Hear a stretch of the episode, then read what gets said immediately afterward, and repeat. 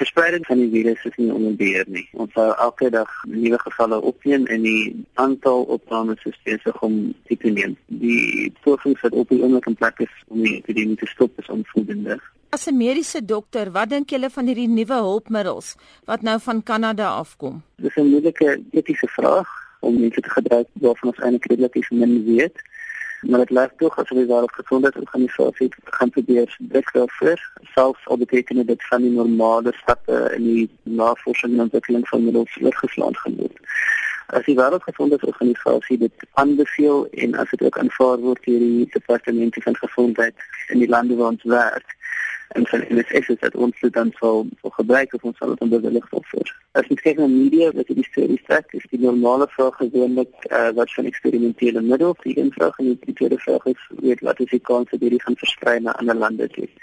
Ek dink die meer relevante vraag meer gaan rondom die epidemie self en die plekke waar dit is dit is interessant om te dink aan wat se middels miskien risiko hoor gaan wees in die toekoms maar ek dink ons moet meer realisties kyk na wat is die situasie op die oomblik. En die situasie op die oomblik is dat hulle is in Wes-Afrika maar dit is anders nie en terwyl daar baie aandag gegee word en wat miskien in die toekoms gaan gebeur in terme van behandeling op hierdie stadium sou baie groter poging nodig om die epidemie te beheer. Hoe sou jy die kulturele taboes van die bevolking beskryf want UNICEF se woordvoerder Fabio Friscia het gesê dit is 'n geweldige probleem dat 'n groot deel van die bevolking beskou die virus as 'n vloek Nou jy werk met die Mende etniese groep in die verre ooste van Sierra Leone. Wat is hulle reaksie op Ebola? Uh, ons het Mendes en ons het ook op die sogenaamde Kisi groep, so dat se 'n paar verskillende stamme. Ek dink dit te wat in, in gedagte hou dat daar nog nooit van tevore hierdie tipe uitbreking in Wes-Afrika was nie. So vir die mense hier so is dit iets heeltemal vreemd en iets heeltemal nuuts en ek dink baie mense verstaan dit eenvoudig net nie wat is om te gebeur nie. Begrafnisrituele is 'n groot probleem. Dit is baie die grootste risikofaktor die gebruike is dat die lijk word heeltemal ontleed en van die begrafnisgangers sal aan die lijk vat en self die lijk sien.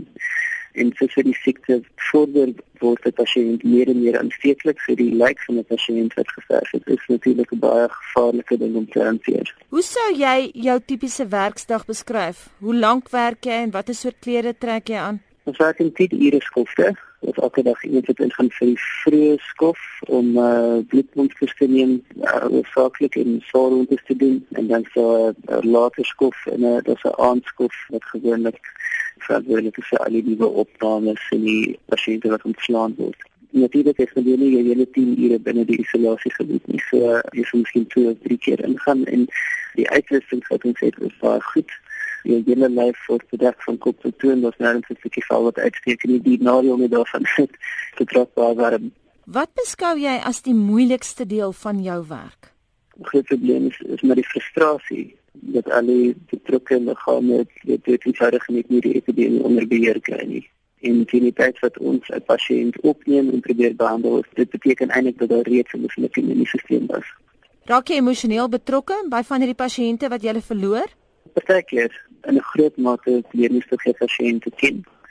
En baie kere is dit nie net die pasiënt nie, maar 'n hele familie of 'n hele huisgesin wat almal saam inkom. En daar's baie probleme daarbey dat ook baie keer sal 'n ma en 'n pa positief toets en hulle kinders is negatief en dan moet ons dit lang wag en kinders bly. So dat allerlei faktore wat sekondêr tot die siekte self is, wat ons moet garandeer. Is jy bang?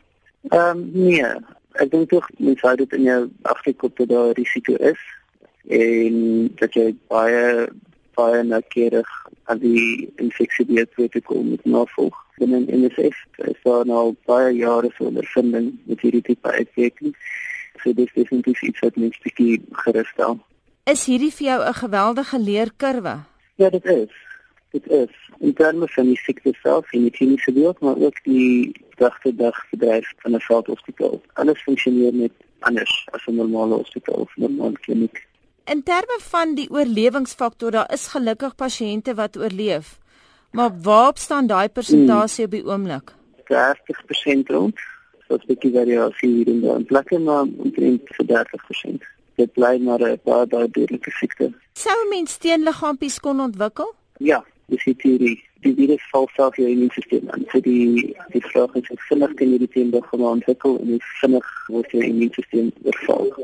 Dokter Kreer, jy sit nou in Sierra Leone, maar jy is reg teen die grens met Guinea. Jy's in die heel ooste van Sierra Leone. Hoe hanteer die regerings van daardie twee lande die siekte op 'n praktiese vlak? Hoe werk hulle saam met MSF? Die regering in Sierra Leone het 'n noodtoestand afgekondig en hulle plaas in 'n mate beperkings op beweging van mense. Op al die groot paaie is daar punte waar jy gestop word en jy kan ook nie sit partykeer is daar iemand wat jou koers steun. So daar is 'n poging op hierdie stadium was dit nog nie voldoende nie. Die Wêreldgesondheidsorganisasie se Daniel Epstein het gesê dat sekere gebiede onbegaanbaar vir julle dokters is en dat medisy aangeval word. Nou dit was 'n rukkie gelede toe hy die uitlating gemaak het. Is dit nog die geval? En MSF het ons nog die probleme gehad daarmee nie. Ons weet wel dat daar gerugte was in plekke in die plaaslike bevolking die daar ontvankelijk was vir uh, organisasies om te kom help nie. Ja, binne in MSF is dit 'n baie belangrike beginsel dat ons saam met gemeenskappe werk en dat 'n gemeenskap ons basies nie toestemming gee om 'n projek te doen open vir ons eerste. Ons self het ook probleme gehad daarmee nie maar ons weet dat dit in ander plekke dit 'n probleem was. Ons het nou gesien dat die VN se Bankie Moon gevra het vir kalmte, maar hoe sou jy die moreel onder medisyne op grondvlak beskryf? Wel, ek dink die spanne hier is baie gemotiveerd. Ek dink almal besef dat daar groot is en ek dink almal besef dat die nood daar groot is. Almal is daar gefokus op hulle werk, die samewerking op die grond, dis reg so ver baie goed.